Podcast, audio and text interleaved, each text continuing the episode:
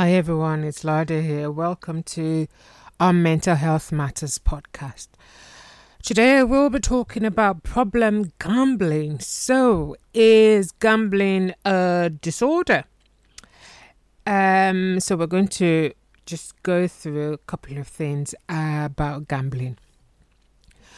So, what is problem gambling?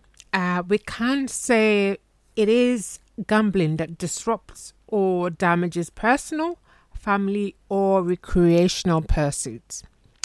To meet the criteria for gambling disorder, someone must have at least four of um, the things we're going to talk about shortly, and it has to be within a 12 month period with the impact we talked about, which is it has affected, it's caused damage uh, to their personal life, uh, affected their family life, or their recreational pursuits. So, what are these things that we see? The person feels restless or irritable um, when trying to reduce or stop gambling. The person keeps trying to reduce or stop gambling without success. Needs to gamble with more money to get the same excitement from gambling as previously. Person gambles when feeling depressed, guilty, or anxious. Tries to win back gambling losses. Lies to cover up how much they are actually gambling.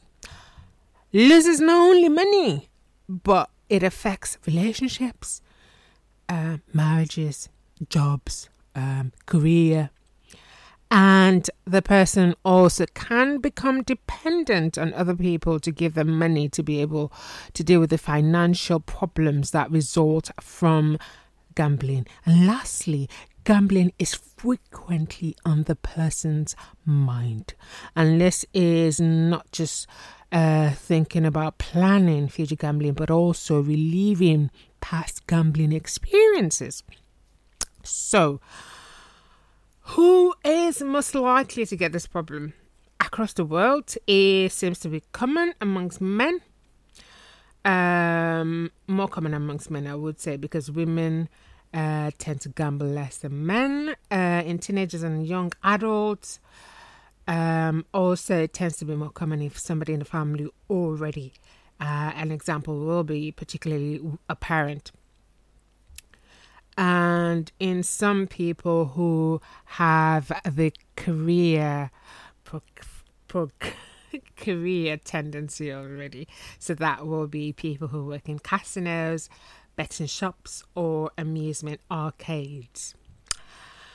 So uh, also certain types of gambling such as video poker dice games high risk stocks roulette internet gambling people who already use illegal drugs or drink heavily, people who have depression, anxiety, or bipolar. So, how common is it? Many of us uh, like to place the odd bet or play the lottery. I have played it a few times, so probably about five times now. Um, but it's a problem for about nine in every 1,000 However, a further 70 people out of every 1,000 gamble at risky levels that can become a problem in the future. So at the moment, they're not, it's not having that impact. If you remember, we talked about the different uh, symptoms and how it presents, and we talked about it having the impact on the person's life. So it, it, it, about 70 out of the 1,000 would already have you know, that proclivity already, but are not um, seeing that impact in their lives. So um, it, it is important to uh, talk about how it can be a problem for people. So it, it is uh, like you have to go through um, just to you know restock and and you know try to get to the level of um, which or to determine the level at which it affects you. So, example will be do I spend a lot of time thinking about gambling all the time? Um, and uh, if it has ever gotten to the p- uh, point where the person has stolen money to fund gambling, um, and then also if they've tried to gamble to escape life's difficulties. So, what are the potential harms that can result from it? As we said initially, relationships, career, personal life, financial harms, um, health, um, career, schoolwork for teenagers uh, that we talked about before. And um, it is important also to note that there are steps one can take to reduce gambling and to help um, oneself. So, what are the particular features of gambling? So, the things to note is that the, there is that associated feature of distortion in thinking. For example, people who um, have addiction as a difficulty, denial is very common. But unlike other addictions, people who develop gambling disorder are typically quite superstitious. And these superstitions tend to reinforce the addiction and belief in winning. The other type of uh, distorted thinking that can occur is involving uh, being involved in chasing one's uh, losses. So, um, do we talk about how to address gambling as a whole, or do we just say it's a gambling disorder and there you go, you've got the disorder? There isn't much that can be done. So we've talked about the diagnosis. Now we're going to talk about the do's and you know generally things that can help partners, family members, friends. Help them to seek support. Help them to find a self-help group. Recognize the person's good qualities and the, the as we said, it's usually um, or rather, um, people can use it to help with their life's difficulties.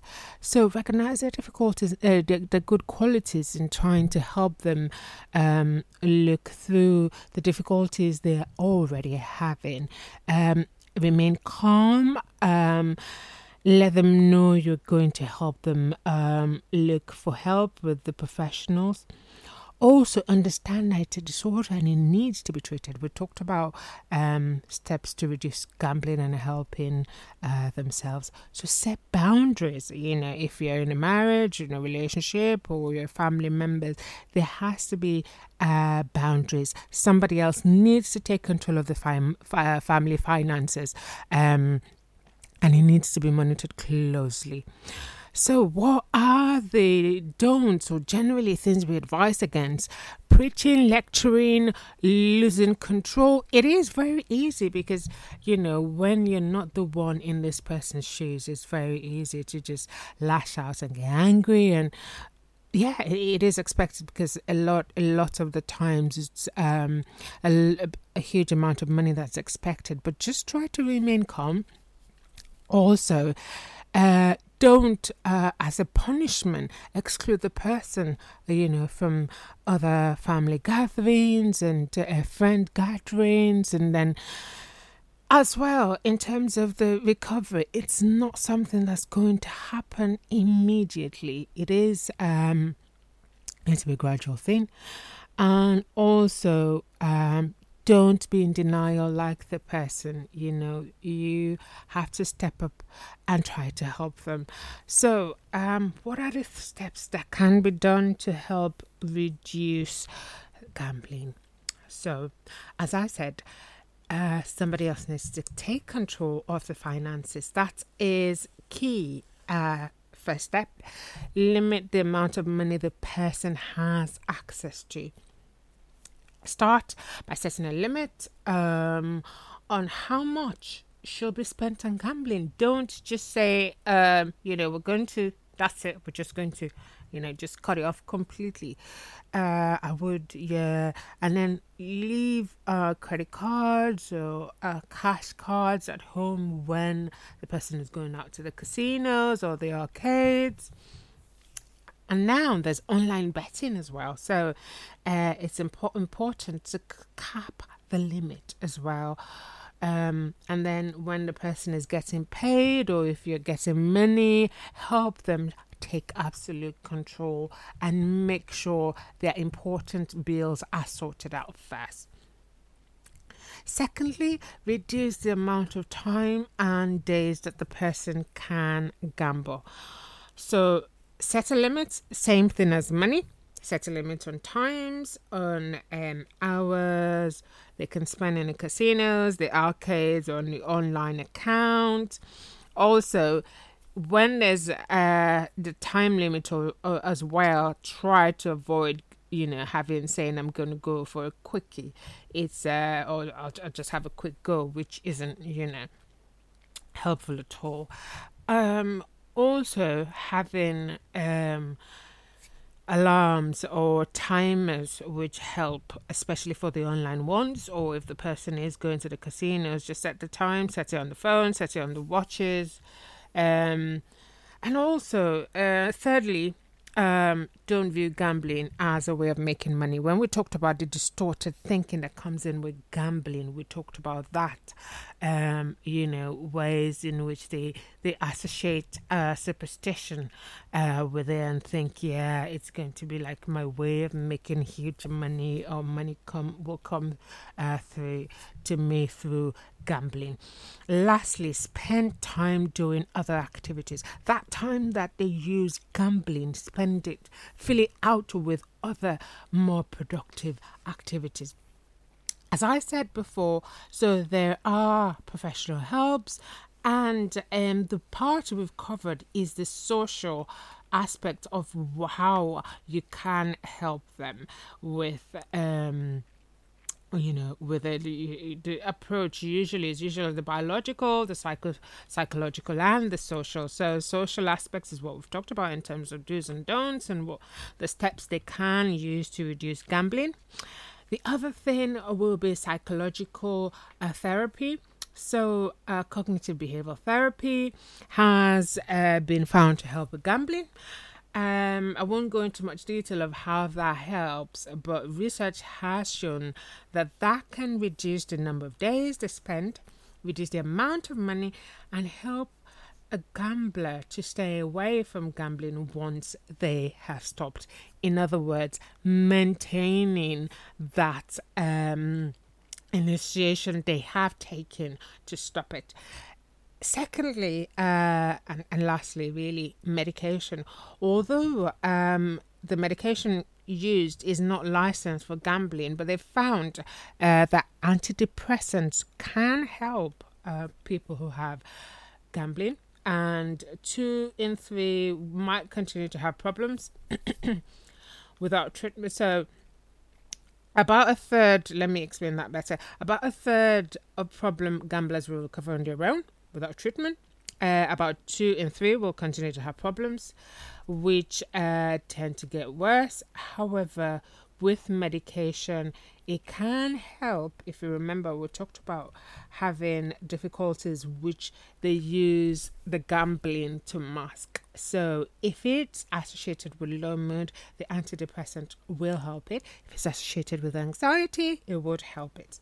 So, um, these are the steps, really, and I would say living or having the problem gambling as a disorder is very difficult. It is just like all other addictions, um, where we talk about um, being addicted to uh, substances or drugs or being addicted to alcohol. So it is uh, a form of addiction in itself.